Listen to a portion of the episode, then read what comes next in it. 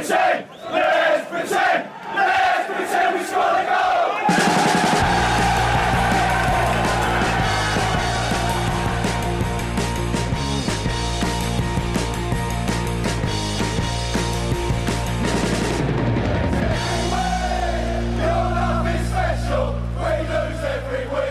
Hjärtligt välkomna hälsar vi då till Sportbladets Premier League-podd. Eh, Tidig måndag morgon. Vi har precis, eh, vi har inte rundat av den andra omgången. Vi har två matcher kvar faktiskt. De kommer vi inte kunna prata om i, den här, i det här avsnittet. Men eh, vi har åtta matcher att ta oss igenom. Frida, vi pratade precis om det. Du har sett allihop. Ja, det har jag.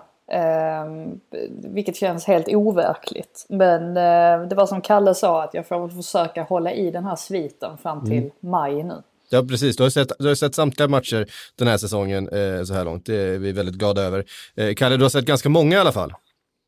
Det har jag gjort. Det, det här spelschemat nu där de verkligen har en egen matchtid för varje match har ju öppnat för att titta på mer än vad man gjort tidigare. Jag hade ju också en period i mitt liv där jag satt och kollade mycket, extremt mycket repriser och kunde komma upp i tio matcher per omgång. Men eh, det har man inte nu för tiden med, med barn och sådär. Då har man inte den tiden. Men eh, det har ju blivit en hel del matcher ändå, det måste jag säga. Det har det, det, har det blivit, men inte alla. Och då har ni fått sett väldigt mycket mål. Det här är ju på väg. Nu är det två matcher kvar här. Ehm, men det här har potentialen då att bli den mest målrika omgången någonsin faktiskt i Premier Leagues. Eh, ja, nu är vi tillbaka där att fotboll började 1992, men eh, så är det i alla fall. Om de matcherna som är kvar att spela, om de hamnar på samma snitt då som de åtta tidigare spelade matcherna, då kommer det vara den målrikaste omgången eh, sen Premier League startade. Eh, och det är rätt häftigt. Eh, det är alltså ett snitt på fem mål per match så här långt. Men vi ska faktiskt börja med den målsnålaste matchen, nämligen den på Stamf- Stamford Bridge. Eh, Chelsea 0, Liverpool 2. En hel del eh, punkter att ta med sig därifrån, minst sagt. Eh, vart vill ni börja? Vill ni börja med det röda kortet? Kanske Thiago, Kepa? Vart vill ni börja? Kalle, du skrev om den här matchen. Ja, nej, men vi börjar väl från början. Eh, vi tar det från början så får vi komma in på Thiago och Kepa och sådana frågor sen. Eh, det var ju, tycker jag, eh, intressant från början att se bara om och Chelsea hade närmat sig Liverpool. Eh, och det, den frågan hänger väl lite i luften fortfarande. Jag tyckte att de var okej i första halvlek. Hade rätt bra kontroll defensivt. Även om Liverpool såklart styrde händelserna så tyckte jag att defensiven var klart godtagbar och de fick ju dessutom en massa omställningslägen som de tyvärr för Chelseas del slarvade bort. De hade kunnat gjort mycket, mycket mer av de lägena än vad de gjorde.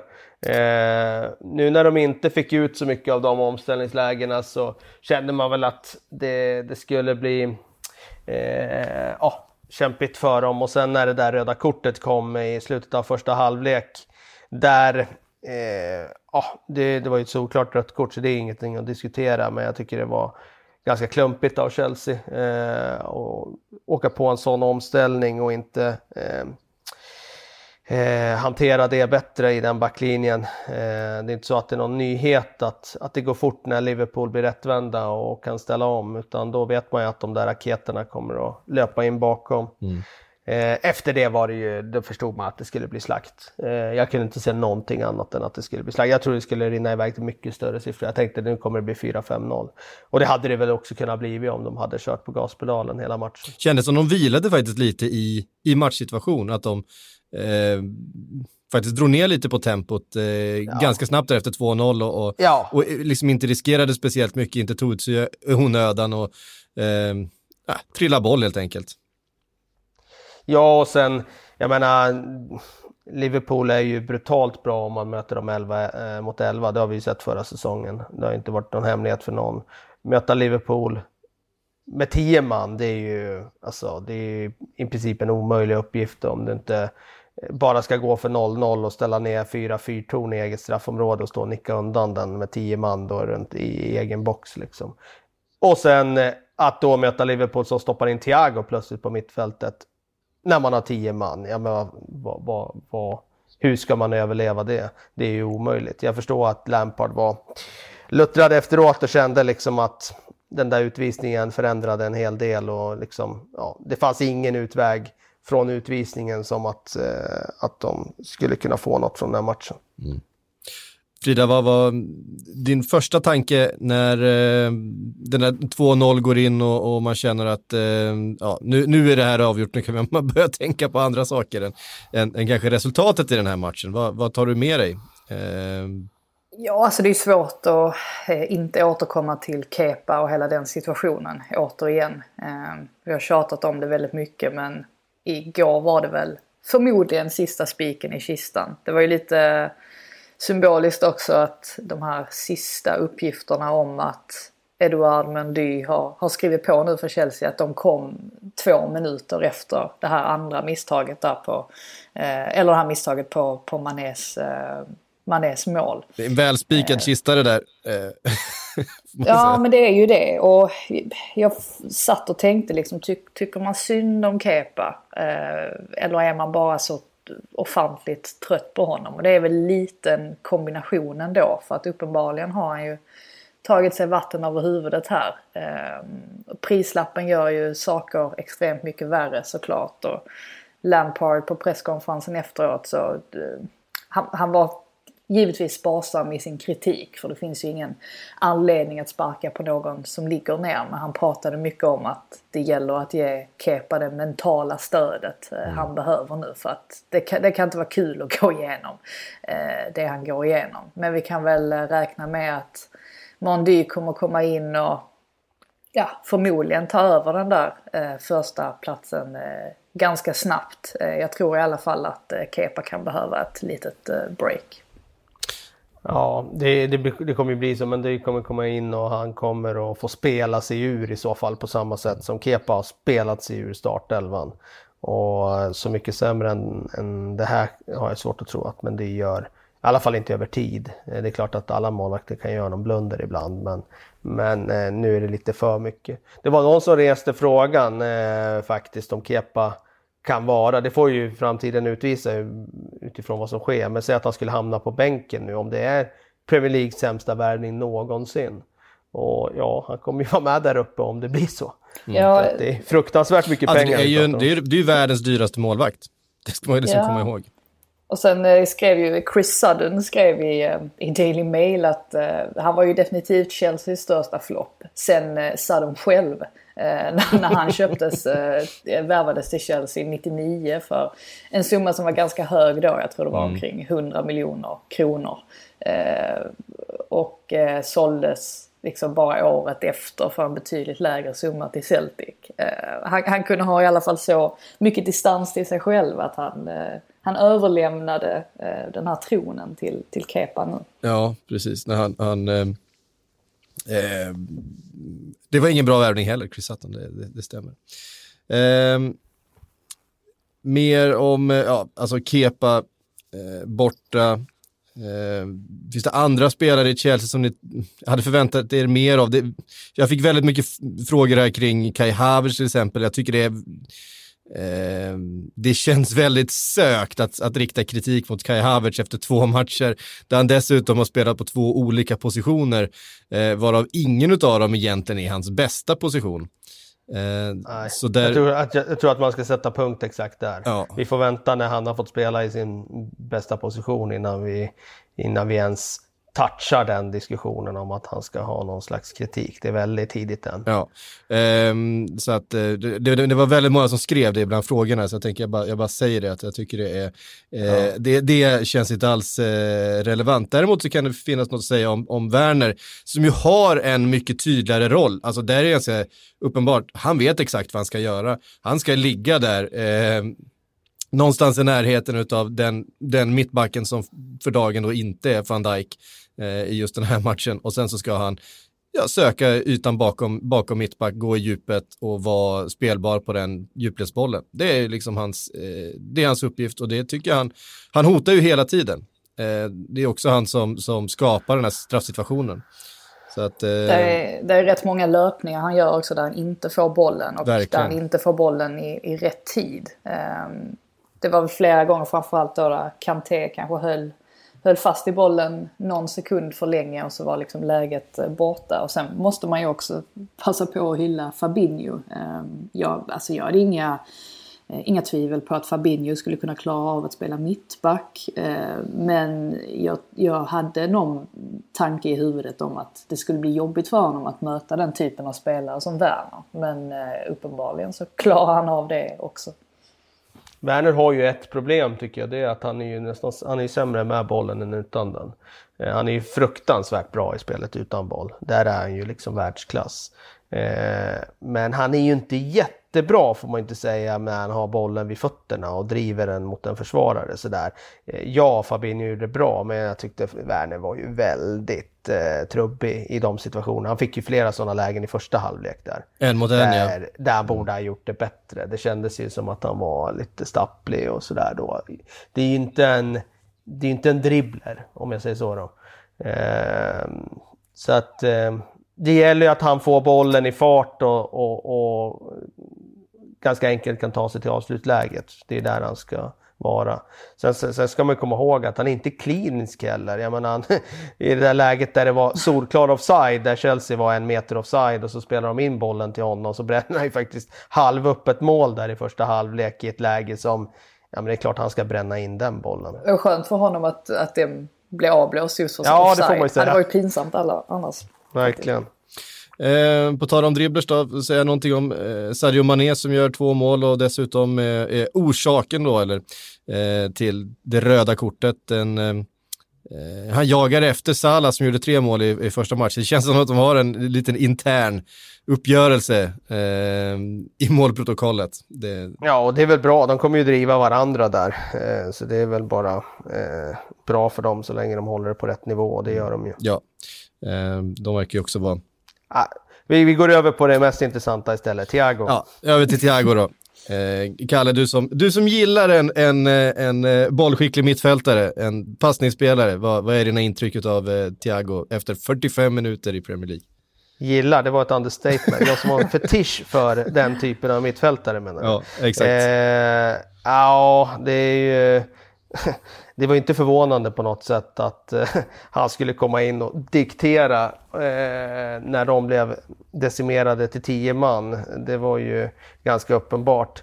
Så att egentligen så, han gjorde faktiskt ingenting som jag inte trodde att han skulle göra utan det var ju ganska uppenbart att eh, de blev tio man. Han fick ännu mer tid med bollen än vad han hade fått annars. Eh, och Thiago som får tid med bollen. Alltså, då, då kommer ju han se ut som Andrea Pirlo såg ut när han var som bäst. Eh, han har ju en helt unik eh, förmåga i passningsspelet med, alltså rent tekniskt sett med olika typer av passningar. Eh, det är liksom de här korta när han ska slå kort, det är när han smyger in dem mellan lagdelarna, han ska göra det. Han eh, sveper de här hårda, låga crossbollarna som, som om han liksom inte har gjort annat. Alltså han är så otroligt trygg i att den alltid sitter.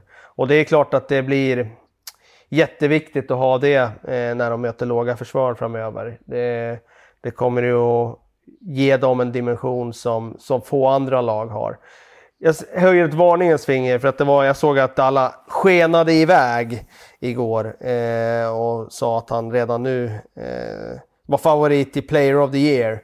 eh, och det känns lite tidigt. Det jag ska säga är att eh, jag har ju flaggat för just den där grejen att när man gör om laget, även om man plockar in en av världens bästa mittfältare, som Manchester United gjorde med Juan Sebba Veron, så finns det ju alltid en risk att man går i en riktning där det övriga laget inte är synkade för det.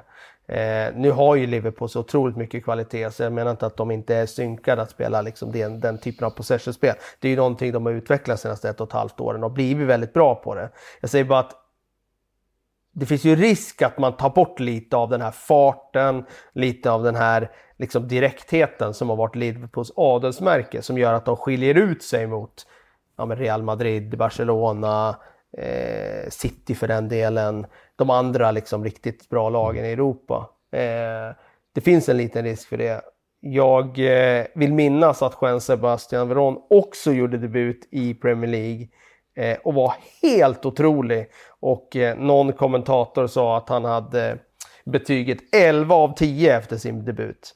Eh, så att eh, jag, jag, jag väntar och ser lite. Jag vill se Thiago när de möter 11 mot 11 eh, och vad det, att han kommer vara bra. Det är inget snack, han kommer vara jättebra. Men hur kommer Liverpools spel eh, förändras av att han kommer in? För det kommer förändras. Ja, en intressant grej med en sån spelare som Thiago som är så himla elegant och har den typen av egenskaper som han har, alltså rent tekniskt eh, och att han är så bollskicklig. Eh, att han ändå alltid tar eh, jobbet hemåt och eh, liksom tar ett väldigt stort ansvar. Alltså defensivt att han aldrig tjuvar. Det gör ju att man liksom älskar honom ännu mer. Att han, att han är så pass allround. Mm. Det är en raritet. Ja, det är någonting han har utvecklat i, i Bayern München helt klart. Där tillåts det inget fusk på mittfältet. Det ska man ha klart för sig. Vi... Det var ju lite komiskt faktiskt att Chelsea kunde få en väg in i den här matchen ändå. Ja. Med den där straffen som Thiago faktiskt orsakade. Och där kunde han väl sprungit lite snabbare en meter till så hade han sluppit och, och komma in på det sättet på Werner. Mm. Det var ju, eh, hade varit helt otroligt om de hade gjort 2-1 i det läget på straff och sen fått en hörna i 90 och, och gjort 2-2. Mm. Eller något sånt. Det, det, får man ju tänka på också, eh, alltså bara nu eh, det här att Jorginho faktiskt eh, missade en straff, sjuk nog. Det är vi inte så vana vid att se honom göra, speciellt inte i Chelsea. Men visst missade han väl en straff under Sarri i ligacupfinalen? För några år sedan. Alltså, för jag, jag blev så Ja, det kan han ha gjort. Ja, eh, men inte i Premier League. Inte i Premier League, nej. Men jag, jag, jag, vet att, eller jag hörde att det var folk som sa att, eller och skrev och sådär att det var första gången någonsin i Chelsea. Jag tänkte nej, någonstans i bakhuvudet hade jag någon minnesbild av att han faktiskt brände en straff då. Men eh, ja, vi får se om han lägger nästa nu. Det, det kanske är, äh, ja, det kanske är på tal nu om att testa någon annan, Werner mm. exempelvis. Alltså målvakterna måste ju sluta och det var jag glad över att Alisson eh, gjorde då, gå på det där lilla hot, skuttet eh, och gå för tidigt. Det är liksom, eh, det känns, stå kvar bara. Visst, då får han ju slå in den då eh, bredvid dig så att du inte kan ta det, men han gör det ju svårt för sig själv att träffa bollen och att få den där liksom eh, farten som krävs in till stolpen eh, mot en målvakt som inte chansar åt något håll eh, när han gör det där skuttet. För om målvakten bara står kvar, då har han ju liksom, då blir det ju minus för, för Jorginho om, om eh, när han har den där straffrörelsen. Jag vet inte, det är något som, något som jag har stört mig lite på. Det känns liksom lättläst. Eh, vi lämnar den matchen då eh, och rör oss vidare till lördagen och eh, Manchester United, Crystal Palace. Eh, Manchester United då in i handlingen efter att ha stått över första omgången. Det på grund av Europaspelet som eh, varade långt in i juli. Tog emot eh, Crystal Palace, ett lag som ja, jag bland annat har eh, tippat väldigt långt ner eh, på, på tabellen den här säsongen. Men ett Crystal Palace som ser eh, ganska, ganska eh, kompakt ut. Som ser ut som eh, de faktiskt vet vad de pysslar med och vinner den här matchen med 3-1 efter två mål från eh, Wilfried Zaha, sonen för övrigt, den här Patrice Evra grejen i, i Sky Sports som var tvungna ja. att gå och be om ursäkt efter. Nej, vad var det? Eh, alltså, eh, Patrice Evra tog upp den här, den gamla konspirationsteorin då från, från eh, Sahas. Med David Moyes. Ja, att han skulle då ha eh, haft någon relation med David Moyes dotter och därför inte fått speltid då under tiden han var i Manchester United. Något som Sky Sports sen var tvungen att gå ut och rätta. Eh, det tyckte jag var lite underhållande. Han är ju, han är ju galen, Patrice Men eh, tog Evra upp det som att det var en sanning eller? Ja, ja, ja. Ja, okej. Okay, okay. I studion. Ja, okay. Så att det är ju ja, troligtvis, nu, nu vet vi ju att det är men... sant ju. Ja, precis. Ja, Evra spelade väl i eh, Manchester United under den här säsongen? Det måste ha gjort. Ja, det, ja, det gjorde han. 2013. Ja, det måste ha gjort. Eh, ja, skitsamma, Zaha två mål. Eh, mycket snack såklart om Victor Nilsson Lindelöf efter den här matchen. Det var, det var ingen bra eftermiddag för hans del. Eh, såg, eh, ja, inte minst alltså 3-1 målet, såg oerhört passivt ut. Handsen kan han inte göra sådär jättemycket åt. Eh, det är ju otur och en jättekonstig handsregel som jag tycker bara blir, blir sämre och sämre hela tiden. Um, ja, vart vill ni börja här då? Vill ni börja med Victor Nilsson Lindelöf och, och eh, hans position just nu då i, i det här laget? Ja, det kan vi göra. Hansen är ju oturlig. De andra två situationerna ska han göra betydligt bättre. Jag tycker även det första målet ska han göra bättre. Han behöver blocka det inspelet lite mm. mer, eh, eh, vad ska jag säga, eh, hängivet när, när han spelar in den bollen där från, från vänster. Eh, hans status är ju såklart dalande om man gör den här typen av insatser. Det finns ju en Chris Smalling som är tillbaka. Och eh, alltså i alla fall i Uniteds böcker så får vi se om han blir kvar. Eh, men eh, han skulle ju kunna kliva in där och kanske vara deras bästa mittback. I alla fall om han spelar som han spelade i Roma förra säsongen. Alltså jag är ändå förvånad över att det var så pass alltså, lojt från Manchester Uniteds sida. Det var ju inte bara Lindelöf som eh, liksom gjorde misstag. Eh, utan det var ju egentligen alla spelare, särskilt där de första 20 minuterna egentligen. Och det är ju egentligen det som avgör matchen på sätt och vis för att Crystal Palace är ju den typen av lag att får de in ett mål på det sättet så är de ganska svåra att borra igenom. Vi såg ju att liksom Fernandes och Pogba och McTominay hade väl också något skott utifrån men det går liksom inte att bara skjuta och, och tro att man ska borra bollen igenom eh, när Crystal Palace sätter upp en sån vägg framför mål som de är kapabla till att göra. Så att just den här, alltså själva attityden från, från United var lite förvånande. Det såg ut som att de fortfarande var på semester i princip. Och, ja. Eh, ja. Och jag, jag, vet inte, jag läste någonting om att spelarna inte har kommit tillbaka i tid och det var landslag och sådär. Men det var väl bort för alla spelare. Det har inte varit någon skillnad för Manchester United. Nej, precis. Nej, Solskjaer har ju pratat mycket om det och han... Eh, eh han har ju ändå haft någon presskonferens nu på sistone där han har skyllt väldigt mycket på alla andra. Eh, exempelvis när det gäller den här Mason Greenwood situationen. Där han skyllde på FA i princip Eh, för det som hade inträffat. Eh, det, det, det gjorde han. Ehm, för att han sa i princip att han tyckte inte att det var bra att FA hade exponerat Greenwood på det sättet för media och sånt. Att Greenwood inte hade fått någon riktig paus. Sen vet jag inte om, om han ville använda det som en ursäkt till att han tog in två tjejer på, på sitt hotell. Men det lät, det lät lite så. Faktiskt. Det är Southgates fel att han tog ut honom överhuvudtaget. Ja, och detta ska inte ha äh, gått hem hos FA direkt. Äh, att han äh, sitter och säger den typen av saker. Men det, det, kändes lite som en ursäkt. ja, men det jag tyckte var så konstigt var ju att United själva vilar ju ändå förra helgen de fick ju en vecka till. Det var det som var...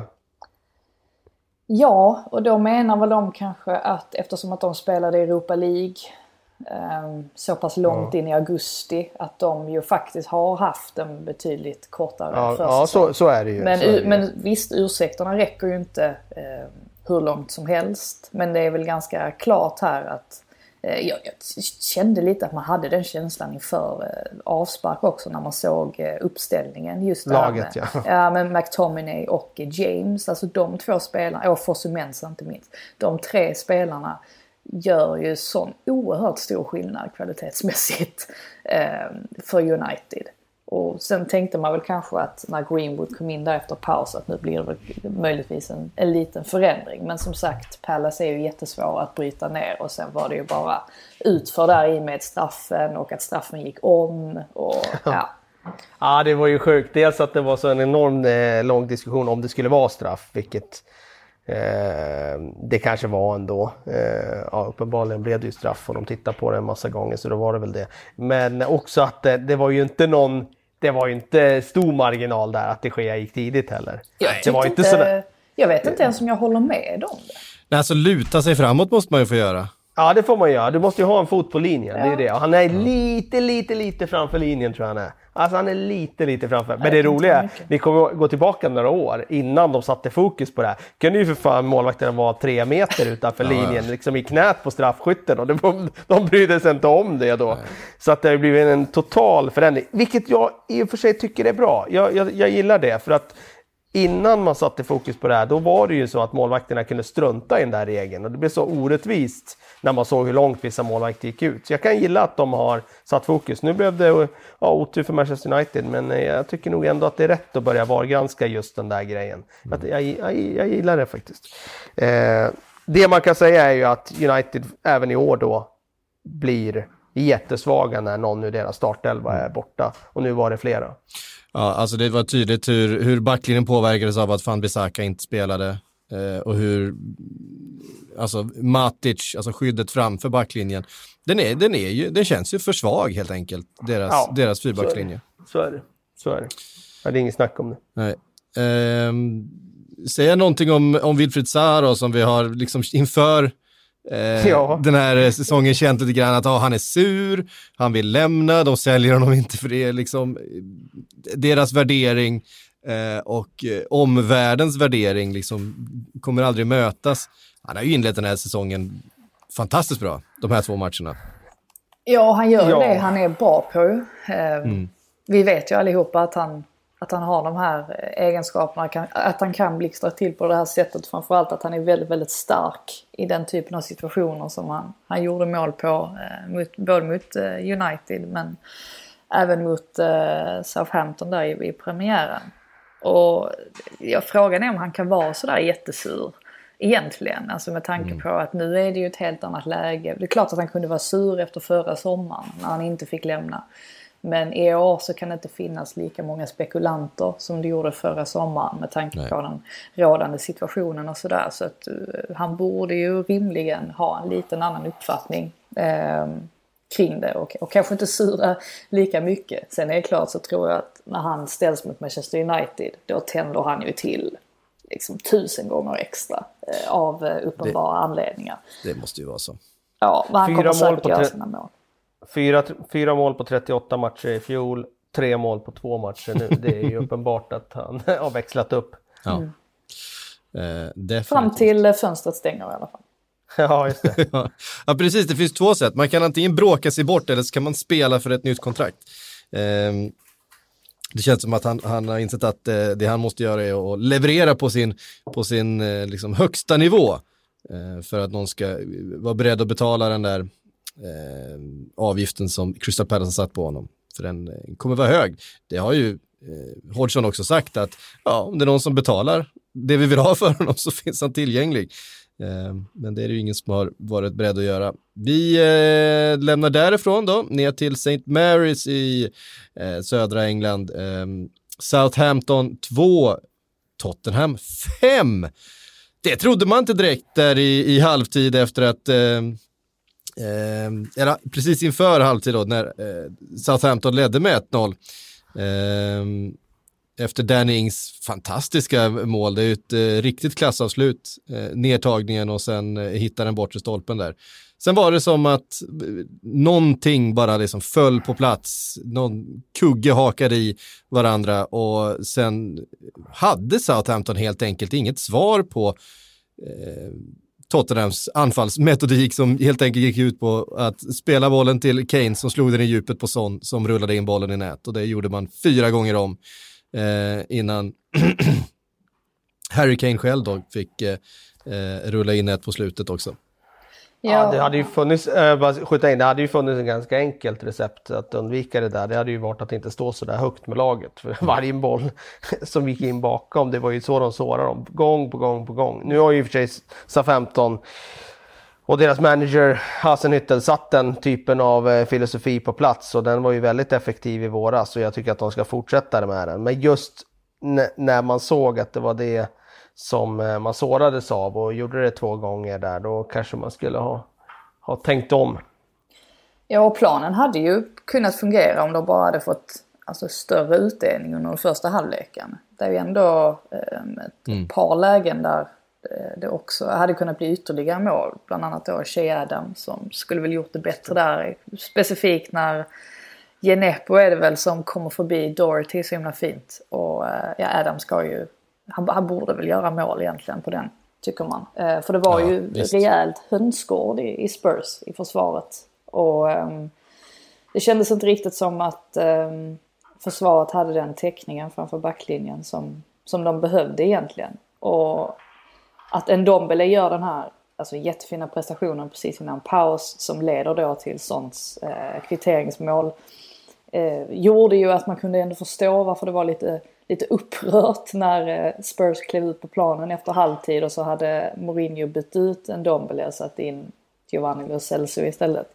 Men det blev ju lite bättre balans. Det, det, det får man ju det, det, får man ju ge dem. Um, och sen var det ju Son och Kane för, för hela slanten. Men han har fortfarande mm. lite problem där Mourinho med just mittfältet. Eh, balansen på det. Det var intressant också att han använde ordet balans när han skulle förklara varför Dele Alli inte ens var med i truppen. Eh, han sa att eh, balansen var inte riktigt eh, rätt.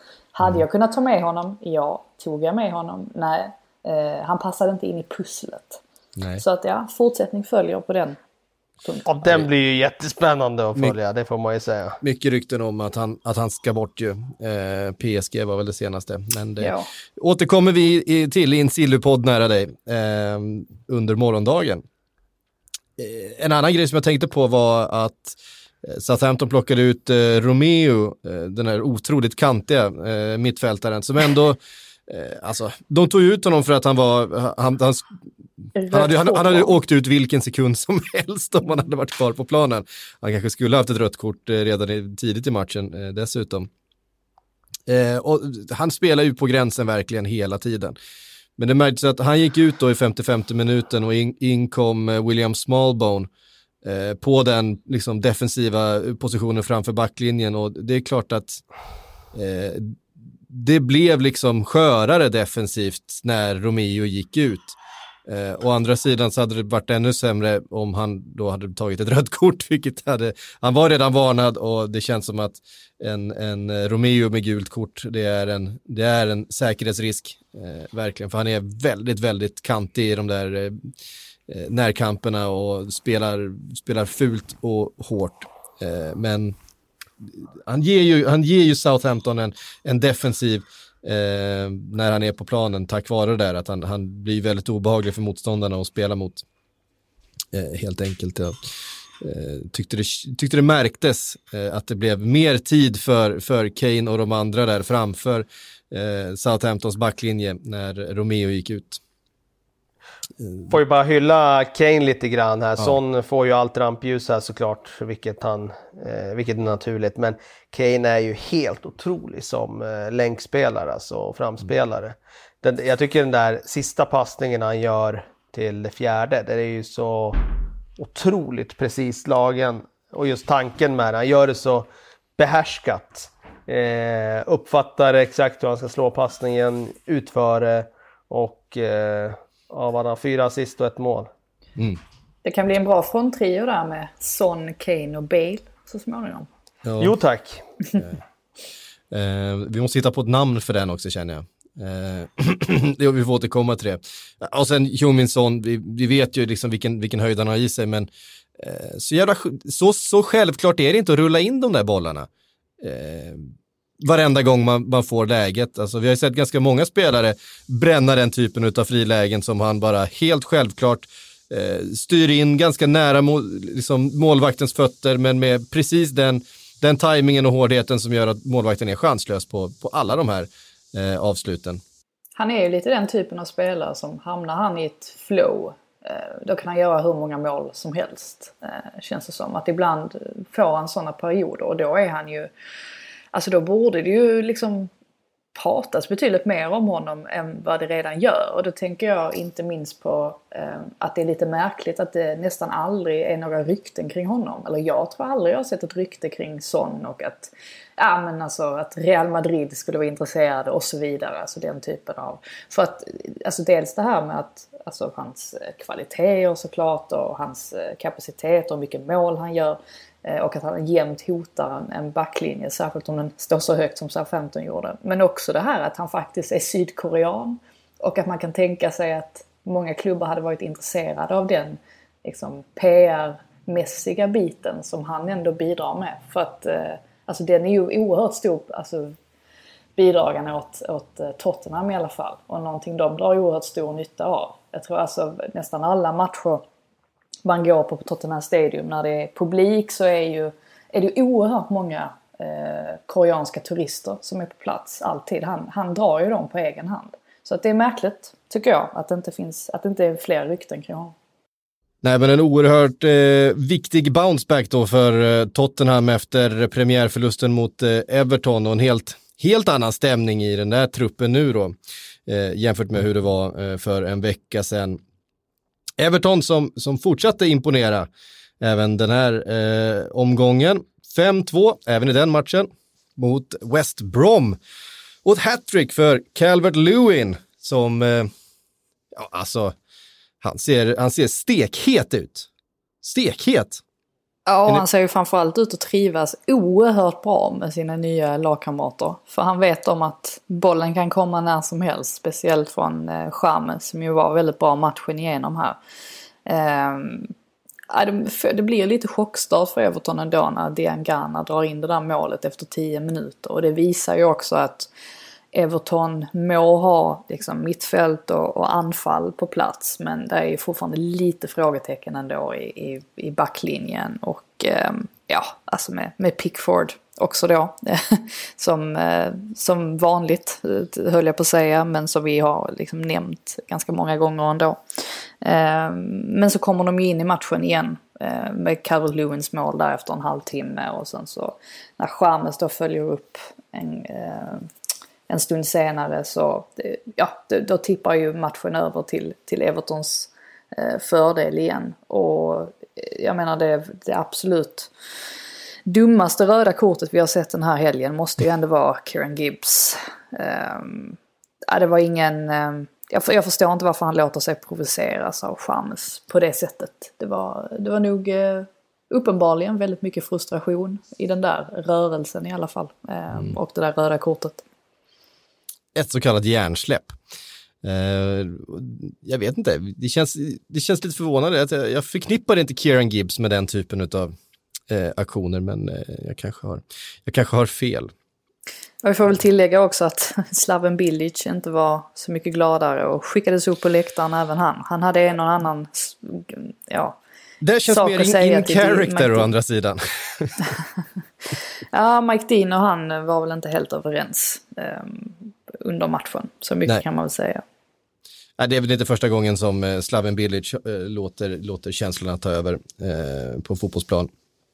Eh, sådär. Nej, men ett, eh, det känns som ett oerhört grundtryckt eh, Everton ändå, i, just från mittfältet och framåt. Det, de vet vad de ska göra, trots att det är så, eh, liksom ett så nykomponerat lag, så, så känns de oerhört samspelta. Eh, och det är liksom, eh, det, det, måste man ju hylla Ancelotti för, att han verkligen, ett då har, har eh, eh, lyckats nå fram på väldigt kort tid till de här spelarna, men framförallt för att han har identifierat helt rätt, helt rätt typer och helt rätt karaktärer för, eh, för sitt Everton-bygge. Ja, det är ju intressant om vi tar Chamez då, eh, just med att man vet ju inte riktigt hur bra han är. Han gör supersuccé i VM, eh, liksom värvas till Real Madrid. Eh, I det läget lite kanske omotiverat eh, att eh, det var den hypen. Det var ju lite den där VM-sjukan, att man köper den spelaren som är bra under, under fyra veckor istället för att titta på eh, kanske en hel säsong. Och, eh, och där har han väl eh, blandat och gett får man säga och sen kommer han till Bayern och eh, det är väl ja, lite samma sak där och nu kommer han till ett, ett klart ett pinnhål neråt i, i hierarkin. Men nu ser man ju vilka enorma kvaliteter som, som han besitter och det blir så otroligt intressant om han nu spelar sig upp igen då till den absoluta premiumkategorin och att han kommer att ta steget igen nu tillbaka till den typen av klubb. Det, fortsätter han så här så, så är det mycket som talar för det. Mm. Yes, vi eh, lämnar den matchen där då och eh, rör oss vidare till eh, du, får jag bara skjuta ja. in där? Jag läste där, det var intressant där med, apropå Calvert Lewin som vi vidrörde lite grann där, att mm. eh, vår vän Marco Silva, eller din vän Marco Silva, han ville ju köpa in Mario Mandzukic. Eh, och att det hade då inneburit vid den tidpunkten att, att Calvert Lewin förmodligen hade gått på lån. Mm. Men sportchefen då, Marcel Brands i, i, eh, i eh, Everton, ska Everton. då ha satt ner foten. I Everton, jag vet inte vad jag sa. Eh, Everton. Eh, ska ha satt ner foten och eh, sagt att nej, Calvert Lewin förtjänar att få förtroendet. Och det är uppenbart att han har eh, tagit ytterligare kliv nu och nu är han ju en, liksom en centerforward som, som eh, dessutom skulle kunna hota uppåt i, i skytteligor och då, då är han ju komplett. Sällan fel att ta in Mandzukic i och för sig, men här, här blev ju utfallet direkt det rätta, får man ändå säga. Um, vi rör oss till Ellen Road, Leeds, Fulham. Ytterligare en 4-3 match med Bielsas lag inblandat den här gången på rätt sida då. Eh, fyra mål för Leeds, tre mål för Fulham i nykomlingsmötet. Det är, eh, det är eh, full fart när Leeds spelar fotboll. Eh, så mycket kan man säga. Eh, av ja. Patrick Bamford, Två mål av Helder Costa, det första är ju fantastiskt, vilket avslut. Vet inte, vet inte ens hur han får in den bollen. Stenhårt från ingen vinkel rakt upp, ribba in. Nej, det är sjukt. Ja, han får, han får stå väldigt ensam också ju, eh, får man säga. Absolut. Fulham har ju fortsatta problem med sitt försvar och eh, mm. Scott Parker gick väl ut och sa det efter matchen också att han väldigt gärna ser att man hinner eh, värva in någon försvarare till. Och det kan man ju förstå. fyra nya. mm, ja, fyra nya hade väl varit optimalt. Ja, eh, två mål på Mitrovic då som fick starta den här matchen. Eh, till skillnad från premiärhelgen eh, då, då han eh, av någon anledning inte bedömdes helt fit for fight. Eh, oerhört viktigt för Fulham att eh, Mitrovic är igång. Så. Ja, sannerligen. Jag menar, han är ju ett superhot såklart så fort bollen kommer in i boxen. Men eh, det spelar ingen roll uppenbarligen om han gör två mål. Eh, det, det det kommer ju att, att krävas en helt eh, liksom, annan approach till matcher om, om de ska kunna få med sig några poäng. För att så som de spelar nu har de ju blivit alldeles för öppna. Mm. Men som sagt, eh, sju gjorda och sju insläppta då på två matcher för Leeds. Kan man eh, orka med det här tempot? Kan man fortsätta på det här sättet? Jag menar, då har man mött ligans alltså den regerande mästaren och laget som de flesta tippar ska komma sist den här säsongen. Um, och det är sju insläppta, sju gjorda. Hur, hur länge orkar det här Leeds den här typen av fotboll och den här typen av matcher? Nej, alltså, det är som vi pratade om förut, alltså det, det, förmodligen kommer de inte orka. Sen är det ju det där att mål kommer det bli i alla fall, för om man inte orkar då brukar det leda till ännu fler mål. Um, Alltså att då blir man ju ännu öppnare defensivt och så vidare. Mm. Eh, så att eh, jag tror att det kommer fortsätta rinna in massa mål oavsett hur de spelar faktiskt i deras matcher. För de spelar med så högt risktagande hela tiden. Ja, alltså det som är oroväckande i deras fall är väl att de här målen som de släpper in då, att de har en tendens, och, eller har haft en tendens de senaste, två senaste matcherna i alla fall, att komma i, i slutet av matcherna. Och det mm. indikerar väl att de möjligtvis börjar tappa lite fokus efter att ha sprungit väldigt mycket. Och i matchen igenom också så släppte de ju väldigt, väldigt mycket ytor. Alltså eh, precis framför eh, backlinjen, alltså centralt, så var det ju mycket yta för Fulham att utnyttja som de oftast inte utnyttjade tillräckligt väl. Så att um, där finns sina brister i Leeds, men det är ju väldigt kul att, att se dem framåt. Mm. Eh, onekligen. Vi, eh, ah, vi, vi hastar vidare för att vi måste ju till, till eh, Emirates och Arsenals eh, väldigt så att säga, Eh, den satt långt in den här eh, trean mot, eh, mot West Ham som bet ifrån bra ändå.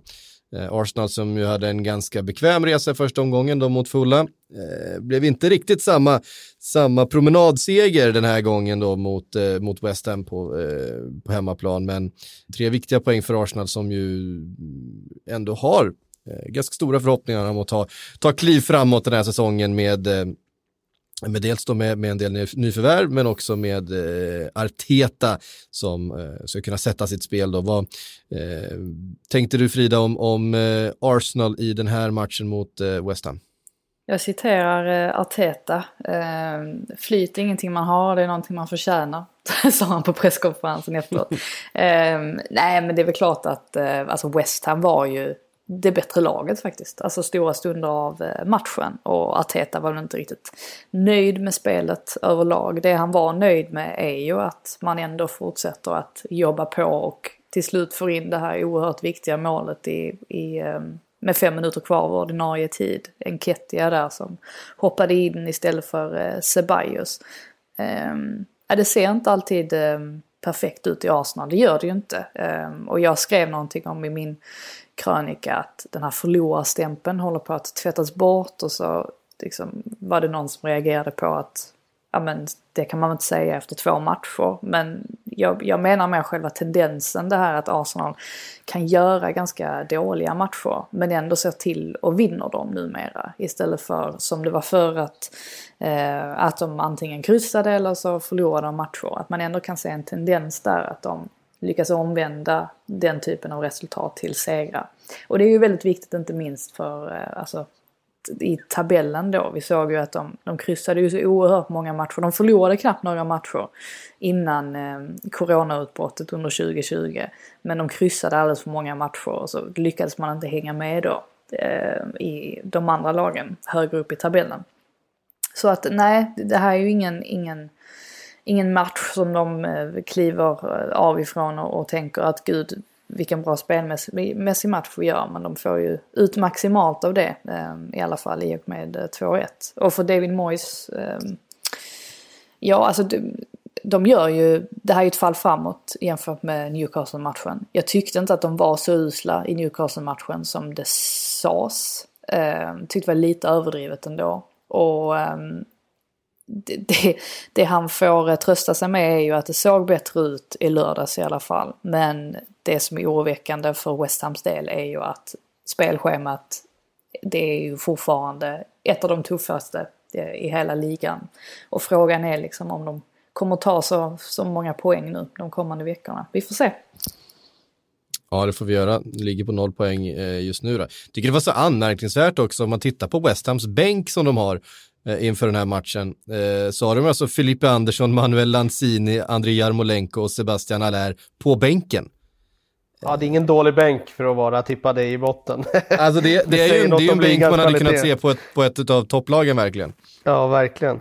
Ja, sen ska man väl i och för sig säga då att um, statusen på de här spelarna är ju inte så bra som deras namn och deras prislappar. Nej. Om man tar Filip Andersen så är han ju klass. Och han var klass när han kom men han, hans kurva har ju inte pekat uppåt. Men visst är det häftigt att, de kan, eh, att eh, ett lag som West Ham kan ha den typen av bänk.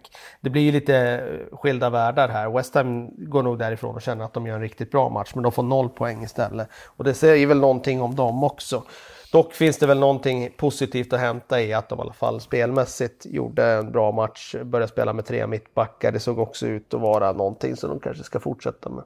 Mm. Ska väl tilläggas också i Arsenals fall att eh, eh skadade sig under uppvärmningen och ersattes av Kolasinac. Och eh, det, det var ju en drastisk eh, försvagning rent eh, defensivt upptäckte man. Eh, inte minst på eh, West Hams första mål där är det väl. Eh, och Saka hade ju, ja Saka och Kolasinac var ju helt enkelt inte, det, det blev inte den bästa defensiva balansen eh, på eh, vänsterkanten. Som det ju brukar vara när, när tennis spelar och eh, Ainsley Maitland-Niles också eh, möjligtvis. Så att, ja. Ja. Eh, verkligen, men en del, en del eh, att fundera på för eh, Arteta ändå efter den här matchen kändes det som. Ja, vi hastar vidare, Frida Brighton. Oj, oj, oj, nu vaknar Brighton. jag igen. Nu vaknar du till, våran eh, designerade Brighton-korrespondent. 3-0 eh, och Lamptey. Vad är det för, vad är det för hög... Va, hur kan, det, hur kan det komma fram så mycket högerbackar eh, i England? Vad, summera Lampteys eh, första halvlek på, på tre meningar. På tre meningar? Du, det här kan du inte slänga i ansiktet på mig så här. Nej, du får, du får hur, hur många meningar du vill. Ja, men tack så mycket. För jag, hade, jag tror jag hade kunnat prata i en timme om Tarek Lamptey. Eh, det, det är för att besvara den här eh, första frågan du slängde ut varför eh, England kan producera så många högerbackar så alltså har man ju en teori ändå i bakhuvudet att det dels har att göra med, om man tänker på eh, alltså Trent Alexander-Arnold till exempel som inspirerades väldigt mycket av Ashley Cole. Eh, jag tror att Ashley Cole eh, hade sin eh, storhetstid när han hade då liksom bröt den här eh, liksom trenden lite grann kring hur en högerback ska vara i England. Eh, var det ju han som gjorde det. Och Eh, alltså det har säkert påverkat väldigt mycket att eh, alltså unga spelare eller spelare som idag är i, i tonårsåldern och 20-årsåldern, att de fick en annan syn på vad en högerback egentligen är, är och vad en högerback har för typ av arbetsuppgifter. Eh, dessutom så är ju nästan alla ytterbackar idag eh, har, någon, liksom, har spelat på någon annan position tidigare, oftast mittfältare tycker jag det känns som. Och det är väl klart att det då kan bidra till att de, eh, alltså beroende på vilken typ av mittfältsroll de har haft såklart, men att det kan bidra till att de är eh, bättre och mer vågligare offensivt. Men eh, vad gäller Tarek Lamptey så gör ju han en helt makalöst bra eh, första halvlek. Han är inblandad i princip i allt och han är framförallt inblandad i att Brighton lyckas stänga den här matchen egentligen redan efter 6-7 minuter genom att göra två snabba mål där. Eh, dels så eh, jobbar han ju fram den här straffen då, ehm, som det är Sant Maximan som inte hänger med. Går in lite klumpigt också. Ehm, och, och det leder ju också till att ehm, eh, att Mopey får, får göra två snabba mål. Det har ju funnits en debatt och finns ju fortfarande en diskussion kring vem som ska göra målen egentligen för Brighton. Och eh, det är väl en del som tvivlar på att Mopay är den spelaren. Men ehm, eh, ja, två mål eh, igår i alla fall. Det, det, det, är ett fall framåt även om det fortfarande kan finnas vissa, eh, att man kan, man kan tänka sig att eh, Brighton nog hade mått bra av en sån som typ Mitrovic som man vet alltid gör mål. Ehm, men i övrigt så, ja, alltså Newcastle kommer ju aldrig in riktigt i matchen efter de två målen och det blir liksom bara värre och värre lite grann. Och när Connolly gör det här målet i, i 83 minuten så till 3-0 så har ju Newcastle egentligen aldrig varit nära att vända på matchbilden överhuvudtaget. Det som är, alltså det negativa för Brightons del är ju självklart det här röda kortet på Bizuma som är väldigt, väldigt onödigt när han slänger upp eh, sulan där i ansiktet på eh, Jamal Lewis. Eh, han gör ju inte det med mening såklart och är framme och ber om ursäkt flera gånger men det är en sån där spelare som är väldigt viktig för Brighton och som har varit väldigt bra stora delar under 2020 så att eh, nej, det är inte kul eh, för Brighton att ha honom avstängd i, i nästa match. Nej, eh, men ett Brighton som äntligen fick eh, också utdelning för eh, sitt fina spel. Eh, vilket man eh, inte fick i, i, eh, i första omgången eh, på samma sätt. Eh, vad, är, vad är känslan runt Graham Potter så här långt? Nej, att han eh, såklart har eh, koll på sina grejer, att han eh, eh, förmodligen kommer ta nya kliv med det här laget under den här säsongen. Det enda som skulle kunna hindra det, det är ju som sagt effektiviteten. Att de kommer att sitta ihop defensivt, att de kommer göra Ehm, eh, alltså konstruktiva grejer framåt, det, det, där råder inga tvivel alls. Utan eh, det är så mycket kan vi nog konstatera. Det handlar ju, nycklarna är ju Mopay och det är Connolly och kommer de att liksom omsätta sina löpningar och så vidare i, i, eh, i mål. Och gör de det så, så då kan det bli riktigt, riktigt bra. Uh, nu har de ju fått en X-faktor med Lamptey som, som ja, visar i den här matchen kan skapa saker från ingenting. Sen får man väl också sätta faktiskt lite frågetecken för Saint Maximens defensiv för att uh, det ska ju inte gå att som ytterback skapa så mycket och det är klart att vi ska hylla Lamptey men vi måste också fråga sig var, varför han fick tillåtelse att vara så dominant som han var i första halvlek och där får man ju säga att eh, de inte hamnar rätt på sin vänsterkant där i Newcastle. Mm. Ja, eh, ett Newcastle som det känns som det, eh, även om det var det är liksom många eh, liksom spännande nyförvärv, spännande och spännande, alltså det, det är ju spelare vi känner till, men det i alla fall känns som solida nyförvärv så har det väl inte hänt sådär jättemycket eh, rent eh, spelmässigt och taktiskt i det laget. Man ser väl ingen enorm utveckling kanske. Eh, frågan är om vi ser någon utveckling på Leicester eh, som just nu leder tabellen eh, efter två spelade matcher. Eh, en, en, ett mål mer gjort då än Everton eller ett, ett mål bättre i målskillnad ska jag säga. Eh, 4-2 mot Burnley, eh, satt eh, hyfsat långt inne ändå eh, efter eh, att Harvey Barnes eh, utjämnat då i den 20 minuten. Eh, Chris Wood inledde ju målskyttet då för Burnley. Eh, vad tror vi om Leicester egentligen så här långt? Vi har inte pratat så jättemycket om, om Leicester inför. De inledde ju väldigt fint förra säsongen, eh, svalnade av. Kanske förväntade man sig någonstans att den här lite avsvalnade varianten av Leicester skulle vara den som hängde med in i den här säsongen. Så ser det ju inte riktigt ut. Jag tycker de ser eh, pigga och fina ut och mm, Kastanj, nye eh, ytterbacken, har kommit in bra. Eh, vi har tre olika målskyttar i den här matchen. Eh, ja, det, det, känns ändå som att eh, Leicester kommer, kommer utmana i år igen. Ja, de kommer nog vara på den nivån de var i fjol, i känslan. Kastanj, två mål på två matcher va? Ja, det stämmer. Ja, bättre, uh, bättre facit än så är svårt att få av en ytterback. Nej, han gjorde inte mål förresten. Han, han spelar fram, han spelar ja, fram. Precis, han, ja, han, han gjorde mål i, för, i premiären. Ja, just det. Eh, ja, alltså det som... Eh, det, det, visar ju ändå att de ändå lyckas vinna den här matchen med 4-2 är ju eh, bra gjort med tanke på att i princip hela deras backlinje är utbytt. Ehm, då främst eftersom att Johnny Evans är skadad, Pereira skadad. Ehm, och så att NDD har fått tagit klivet ner i, i defensiven. Um, och Justin då som, Justin mm. är bra framåt uh, men han kan vara, uh, ja alltså han är en försämring eller en försvagning uh, rent defensivt. I den här matchen så tycker jag framförallt alltså det som är positivt för Leicesters del är att det är inte Vardy som än en gång allting hänger på utan att har vi Barnes kliver fram här och, och blir lite av matchhjälte för, för deras del. Det är positivt för Leicester. Sen mm. vad gäller Burnley nu saknade de ju Tarkovsky eh, i mittförsvaret.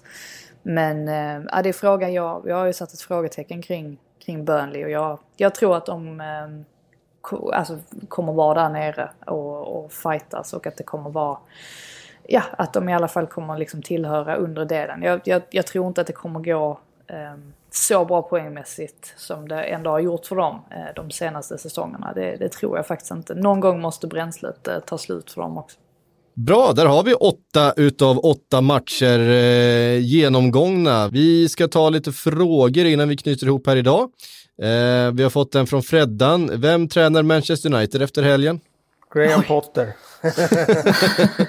Nej, eh, jag tror att de kommer ha ganska mycket tålamod eh, nu för att eh, de såg en förbättring under våren och då fick han nytt förtroendekapital. Jag tror inte att de kommer att göra något där än, än på ett tag. Eh, men skulle vi komma fram till jul eller sådär, eller senhösten i alla fall, framåt november, december, då, då, då får man väl göra en, en ny check där.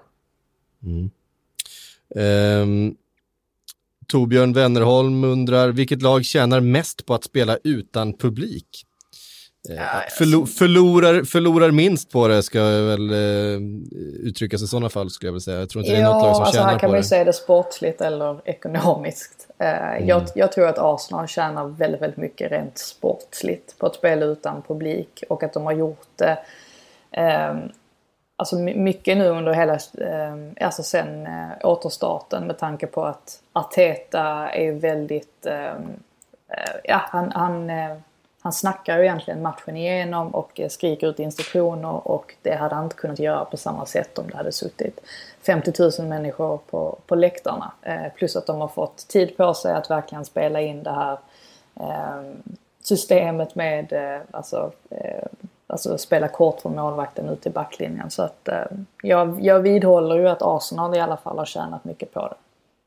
Ja, vi har fått ganska mycket frågor också som rör eh, Diogo Jota. Det är väl egentligen eh, ämne mer för Sillypodden, men eh, många ställer sig frågan varför eh, Liverpool kunde köpa honom men inte kunde köpa eh, Timo Werner. Ehm, ja, det finns nog många, många orsaker till det, men eh, Timo Werner var ju själv ute och faktiskt blev intervjuad i helgen här. Eh, så därför kunde det vara lite intressant att ta upp och han eh, själv sa att han valde bort Liverpool helt enkelt för att han kände att speltiden eventuellt inte skulle bli densamma. Han vill, han vill spela från start varje match och han, han insåg att det kanske inte skulle vara fallet i Liverpool. Så att eh, det verkar som att han själv hade mycket med det att göra. Det, det kan ju mycket Chelsea. väl vara så. För det ligger nära till hans att tänka sig att han hade kommit in i Liverpool och åtminstone haft en uppförsbacke för att starta matcher där. Eh, som eh, hade inneburit att han hade varit eh, rotationsspelare eh, första halvåret eller året innan han hade på något sätt kunnat sprungit om Firmino, vilket jag inte är säker på att han hade gjort. Eh, så att eh, det tycker jag var ett ganska naturligt val av honom. Jota å andra sidan ser det ju som en jättemöjlighet att, att ta ett rejält steg uppåt i karriären. Och vad jag förstår på Wolves så, så har ju de också planer på, vi har ju varit inne på det tidigare här, att de ska lägga om sitt spel eh, och bli mer spelförande. Och de ser ju Jota som eh, en väldigt eh, eh, utpräglad omställningsspelare. Och eh, i ett mer bollförande Wolves som Nuno har planer på att på att införa så, så ser de inte han som startspelare där. Svårt att tacka nej till de pengarna också. Eh, Verkligen. Från vår sida. Verkligen. Ja, precis. Och där blir det intressant att se Liverpool för att, eh, jag menar, det är det jag menar. Du tar Thiago, de kommer automatiskt bli mer bollförande om du har en sån spelare. Eh, kommer då Jota passa in? Eh, det får vi se. Ja, vet ni vad? Det var måndag, eh, måndagens förmiddag avklarad för vår del. Eh, tusen tack Frida för att du var med. Tusen tack Kalle för att du var med. Eh, tusen tack alla ni som har lyssnat för att ni var med. Eh, Sportbladets Premier League-podd är tillbaks eh, nästa vecka igen. Sillypodden kommer Eh, braka vidare under veckan här med, med fler rykten runt, ja vad, vad, vad är det med Dele Alli egentligen och, och, ska Jesse Lingard in i Tottenham? Det där är ett rykte som upprör många på sociala medier just nu, vi ska försöka reda ut det imorgon. Eh, och så hörs vi Dele Alli ut, Jesse Lingard in, det hade varit en riktig Mourinho-grej alltså. Ja, det, det, det, det, det ryktas om just nu. Eh, vi kommer återkomma till det imorgon då i, i Sillypodden, se ifall vi har lite mer kött på benen gällande just det då. Hörde ni, tusen tack för att ni har lyssnat på återhörande igen.